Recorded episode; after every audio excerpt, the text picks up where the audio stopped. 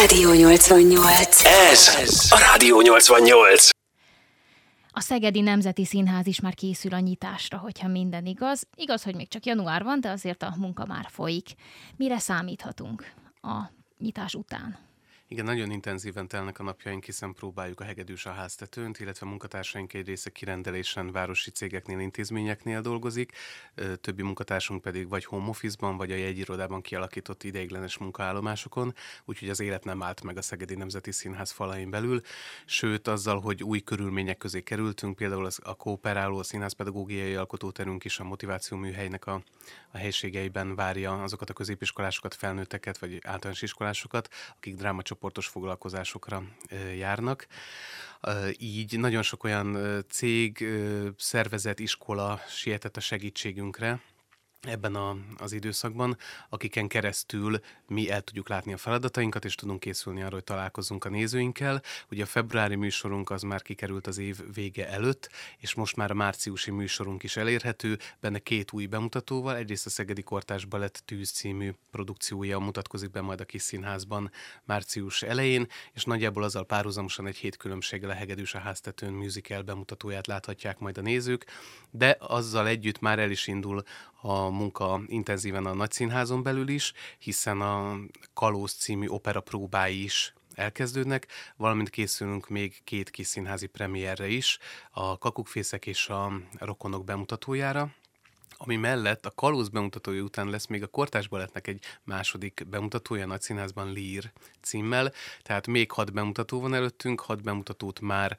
megtartottunk az évad első felében, és a továbbjátszásokkal és ezekkel az új bemutatókkal várjuk majd a nézőket új helyszínen zajlanak a próbák is, hogyha minden igaz. Én ott jártam egyébként a sajtótájékoztató keretén belül. Úgy tűnt, hogy a színészek jól érzik ott magukat.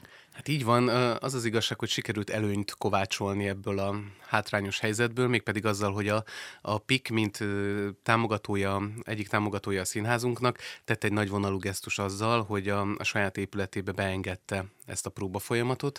Ez azt jelenti, hogy egy viszonylag nagy terű tánciskolának a helységeiben tudunk próbálni, a táncművészeink ott tudják a napi gyakorlatukat elvégezni, illetve a tánckarral, énekkarral, a színművészekkel, a műszaki állományunk egy részével ott tudunk napi szinten próbálni.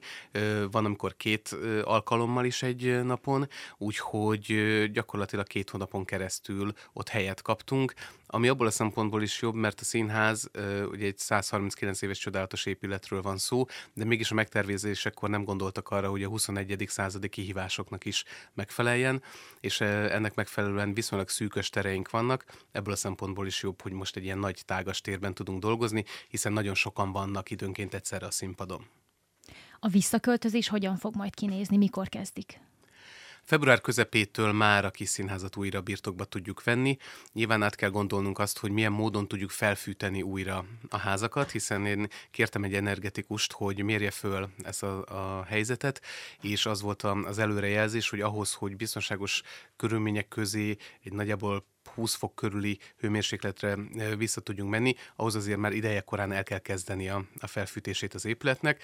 Ráadásul ott rögtön már egy koncert is lesz, ugye a Szegedi Szimfonikus Zenekar egyik bérletes koncertje, vagy ahhoz, hogy ott a munkatársak fel tudják építeni a díszletet, elkezdhessék a munkákat az irodákban, ahhoz azért nekünk már korábban meg kell tenni a lépéseket, hiszen nem lehet egy 13-15 fokos épületben elkezdeni dolgozni. Most mi figyeljük az épület hőmérsékletét, Nagyjából ide tudjuk most belőni, kb. 13-14 fok van az épületeinkben. Az az érdekes, hogy azért, ha az ember belegondol, a 86-os átadás óta nem volt 20 fok alatti hőmérséklet ezekben az épületekben, mert vagy olyan volt az időjárás, vagy pedig ugye a folyamatos fűtés miatt megvolt ez.